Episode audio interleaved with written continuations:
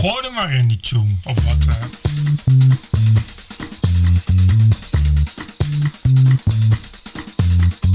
This is the TPO podcast. Ranting and Reason. With Bert Brusson and Roderick Phalo.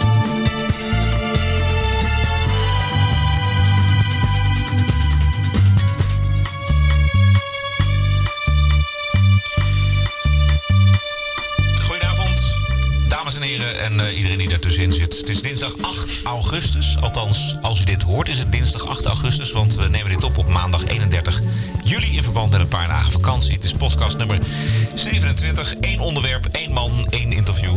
Arend Jan Boekenstein. Een mooier cadeau kun je mensen toch niet geven hè, dan een lang interview met Arend-Jan Ja, Boekenstein. over Europa en over Europa en over Europa. Nee, hoor. Ja, hij zegt goede dingen. Hij, Hij zegt goede hij zegt hartstikke leuke dingen. Dus zometeen Arend Jan Boekenstein. Maar eerst eventjes kijken naar een eh, paar aardige reacties. Naar eentje. Je, je hebt er eentje, hè? Dankjewel, eh, Bert. Ik had hem juist helemaal klaargezet Ja, voor hij je. viel uit. Hij viel uit. Je moet even. Ah, nee, oh, oh, ik dacht dat, eh, dat je een code had. Ja, de redactie. Ja. Reactie, sorry.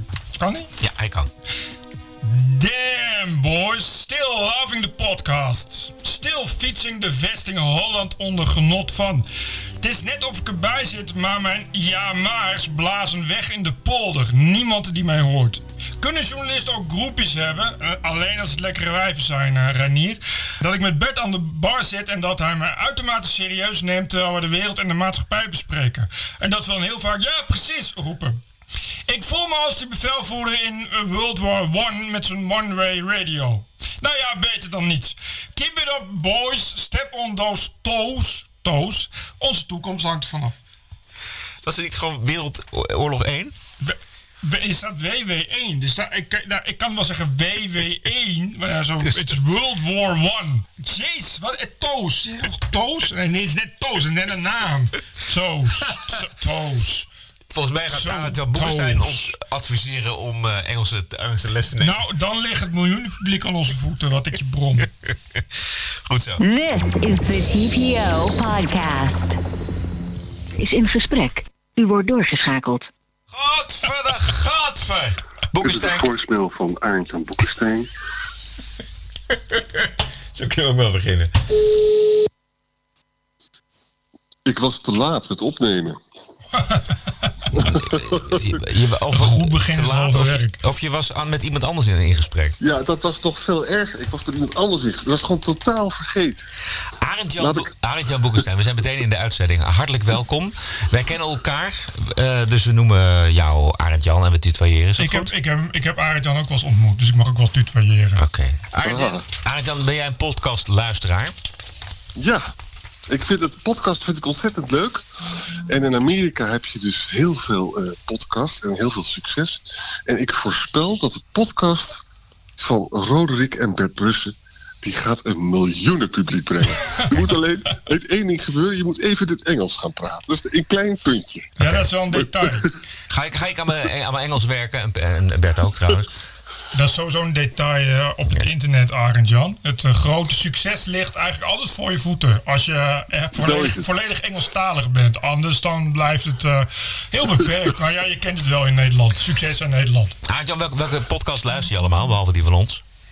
Ik heb dus van, nou, ik heb die van jullie geluisterd. Ik, lu- ik luister die van, eh, maar dan, weet je, ik, ik luister naar podcast als ik jog. En ik moet je iets bekennen, als ik jog kan ik niet zo goed nadenken. Dus dan, is het, dan komt het maar half naar binnen. Maar goed, dan, nee, als het dan interessant is, dan probeer ik het daarna nog een keer af te luisteren. Ja. Ik luister naar uh, voor iets, ja, weet je wel, GPS, die heeft ook een podcast. Ja. Eh, en wat ik bij jullie podcast zo leuk vind, is dat. eh, kijk, weet je, ik probeer alles te lezen, maar dat kan natuurlijk helemaal niet. En via jullie podcast kwam ik weer op die eh, Canadese professor van. Jordan Peterson. ja, en dat vind ik dus een waanzinnig interessante man, vind Ja. ik dat. Ja. Dus dan ga ik gelijk de YouTube-filmpjes bekijken als een college staan nu op de.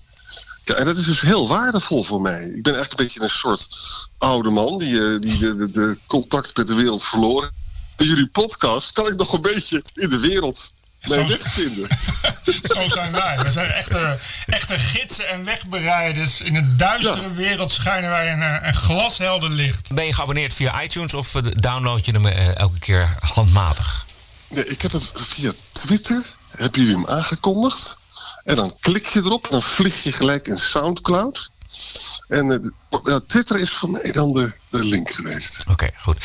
En we, we bellen je ook eh, vanwege de vijf mooie afleveringen bij WNL over eh, Nederland en de wereld. Rob de Wijk en, eh, en jijzelf ontvingen afgelopen zaterdag een van de grootste voorvechters van eh, de Europese Unie, de Belg Kiever Hofstad. En een van de grootste vijanden tegelijkertijd van alle eurosceptici. Laten we even een klein stukje luisteren. Het is namelijk dat er enorm veel veranderd is na de brexit. En dat er een soort van heropleving is van het Europese idee.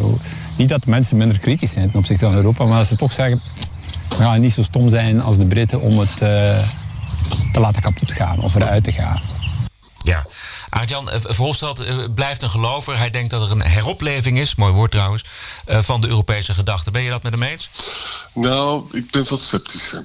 Hij heeft absoluut gelijk dat zowel dus de, de strapatsen van Trump als Brexit invloed heeft gehad op het feit dat Marine Le Pen niet verkozen is in Frankrijk. Dat is waar. Maar ja, je moet wel verder kijken. Het is nog maar helemaal de vraag of Macron echt gaat hervormen. En het is ook helemaal de vraag of Italië. Italië is het grote probleem binnen de eurozone.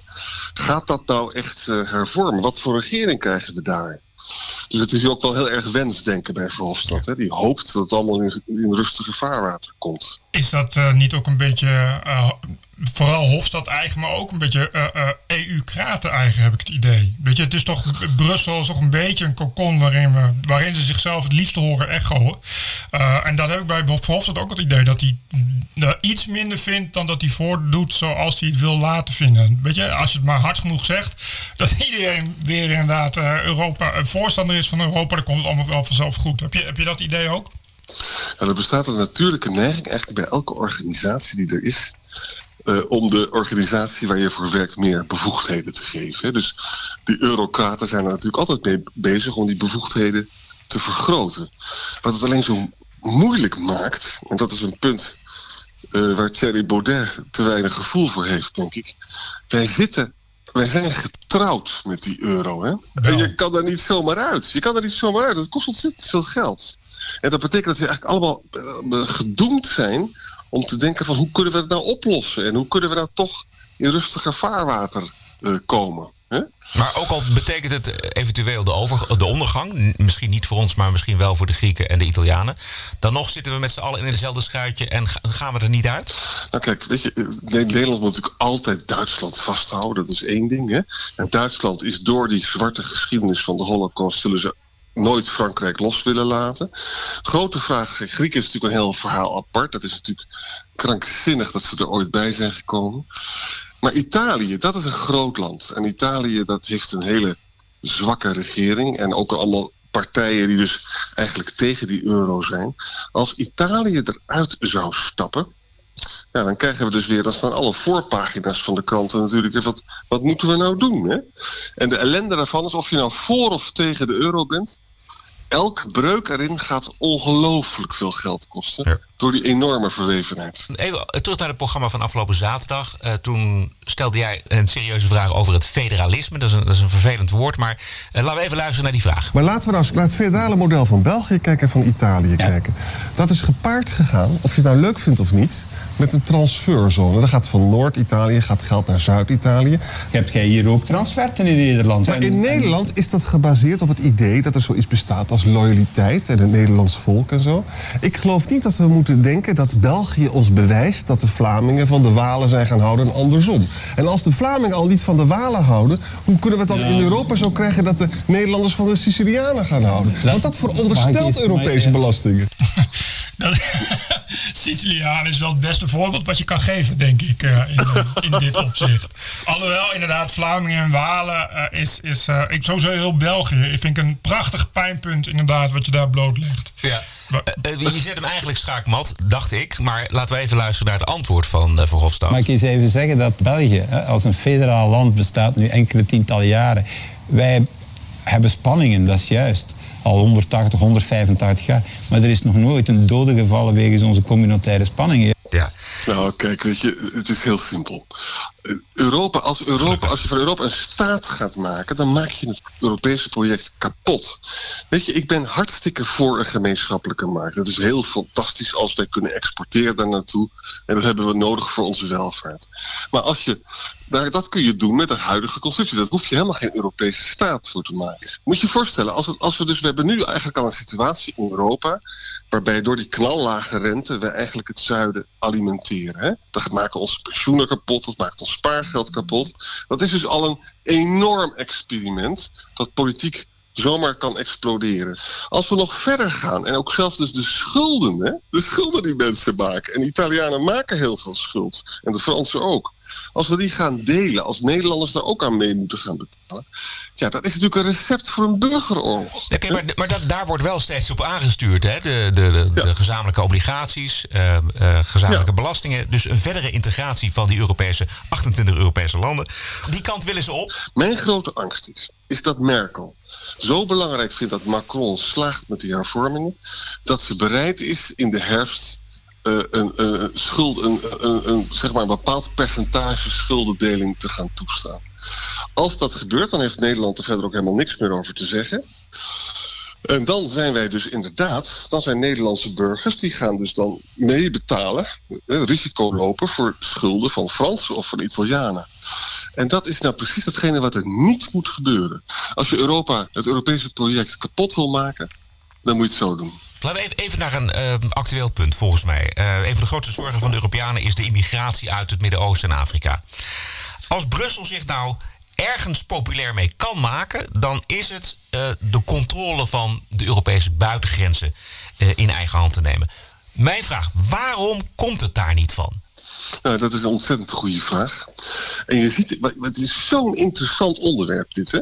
Twee dingen erover. Heb je gelezen in de reconstructie van NRC Handelsblad van zaterdag? Nee. Dat dus D66 is een keurige partij die altijd zegt dat ze elke vluchteling zo ongeveer mag komen. Maar wat is er nou gebeurd?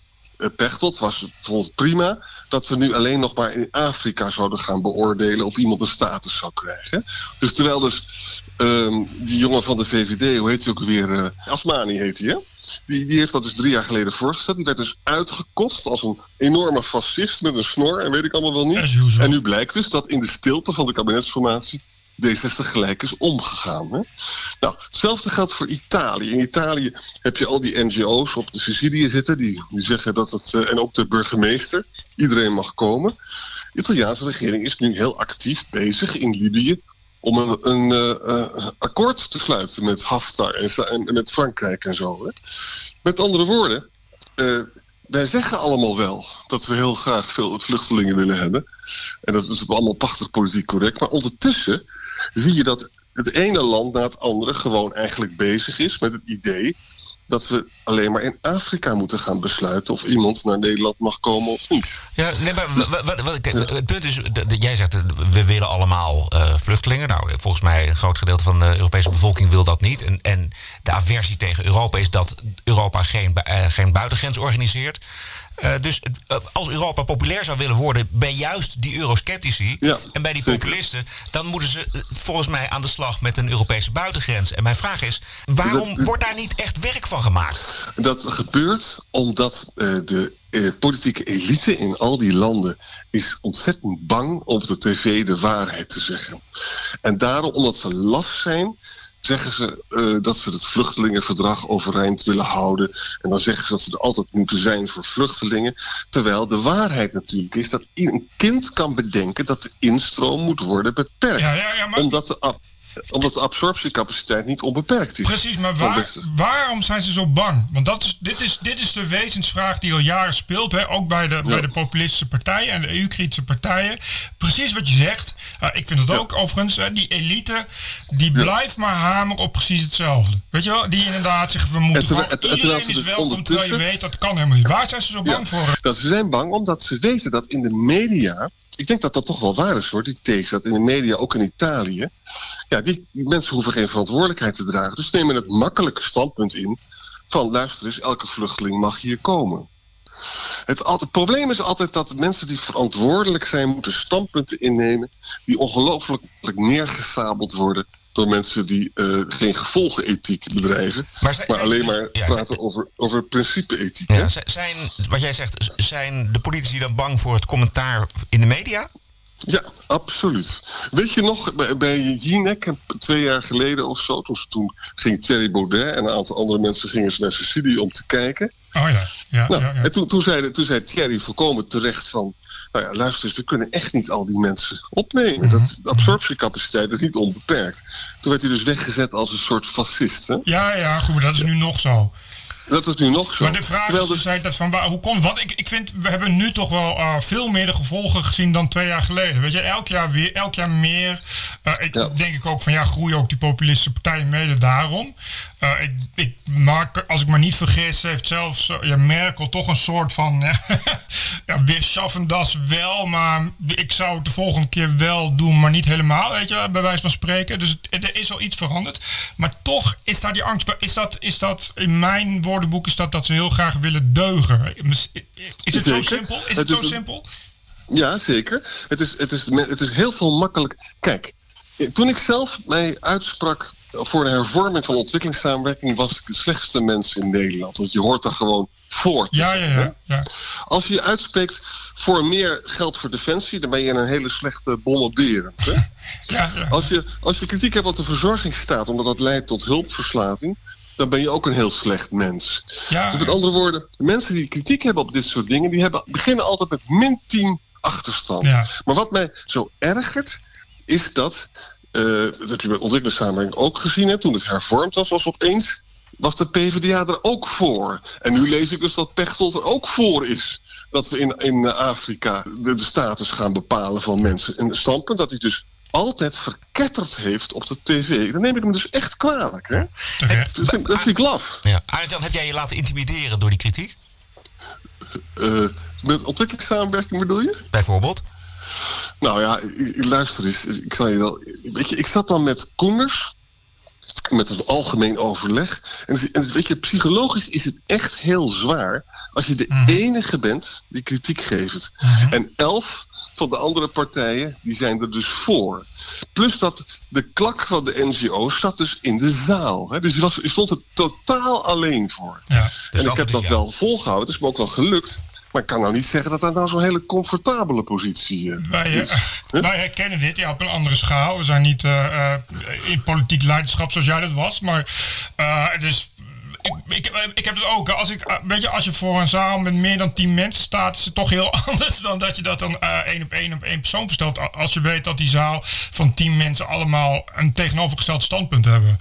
Eh, ja, het, het maakt je per definitie een eenzame roeper. En, en je bent natuurlijk inderdaad in de media, zeker in de Nederlandse media, de kop van Jut. Nou weet ik niet hoe dat in de Italiaanse media is, maar dat zal niet zo heel veel anders zijn, eh, vermoed ik zomaar. En in de Duitse je helemaal media helemaal niet. Dus wat dat En ook in de Duitse en de Franse media speelt het gewoon een hele grote rol. ja, Het is, mensen vinden het gewoon, dus mensen willen heel graag. Weet je, weet je als ik namelijk nu zeg, hè, van, ik vind dat we meer vluchtelingen moeten opnemen, dan zeg ik eigenlijk van: kijk eens, ik ben een goed mens. Ja, exact. Dat is eigenlijk wat je doet. Hè? ja, het is, is virtue En, en dat is natuurlijk een hele makkelijke positie. Terwijl als je dus zegt van nou, luister eens, ik begrijp heel goed dat er mensen in grote nood zitten.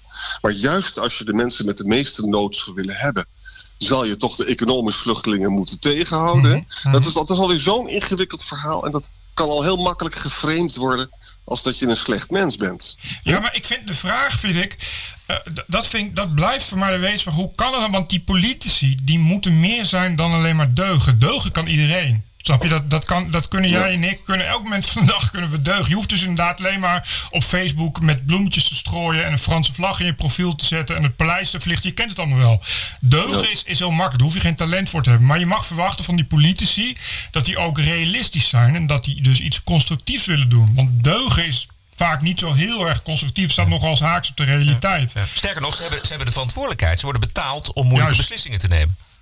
Nou, jullie zeggen natuurlijk hele terechte eh, punten, daar ben ik het ook heel erg mee eens. Wat mij opvalt de laatste tijd, is dat politici dus op de tv zijn ze dus allemaal van de moraal en dat is makkelijk, daar komen ze makkelijk mee weg. En vervolgens, als de tijdgeest keert, dat zie je trouwens nu gebeuren ten aanzien van Libië en Afrika. Hè? En, en als de tijdgeest keert, dan doen ze het eventjes stiekem. In de hoop dat niemand dat opmerkt. Hè? Zie dus Pechtold bij de kabinetsformatie. Ja, ja. En dat vind ik, dat kan niet genoeg gehekeld worden. Ik wil politici hebben die opkomen voor hun standpunt. Dat verdedigen voor welke zaal dan ook. En dat we vooral niet. Want we hebben alle media die voortdurend aan één kant van, de, Ja. van het argument hangt. Ja, die zijn gelijk geschakeld, als Wierduk het altijd zegt. Ja. Daar ben ik het volledig mee eens.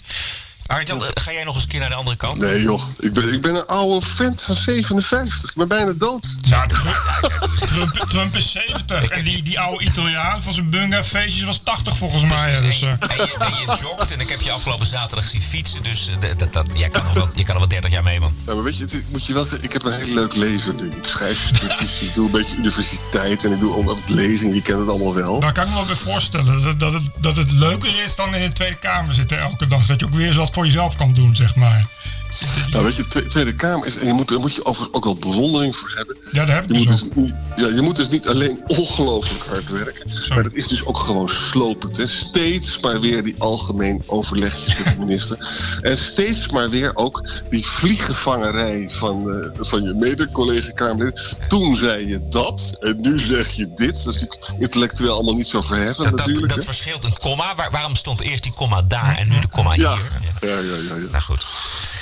Ben je op vakantie geweest, Arjan? Nee, ik ben een boek aan het schrijven. Dus ik blijf, eh, blijf gewoon thuis.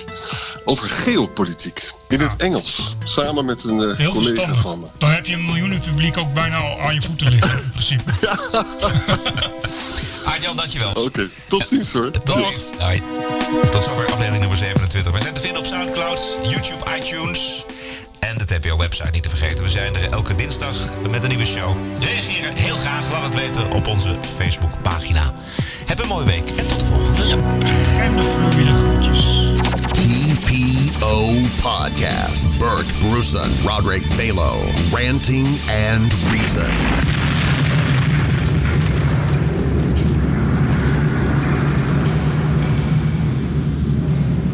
If you can keep your head when all about you are losing theirs and blaming it on you, if you can trust yourself when all men doubt you and make allowance for their doubting too, if you can wait and not be tired of waiting, or being lied about, don't deal in lies, or being hated, don't give way to hating, and yet don't look too good or speak too wise.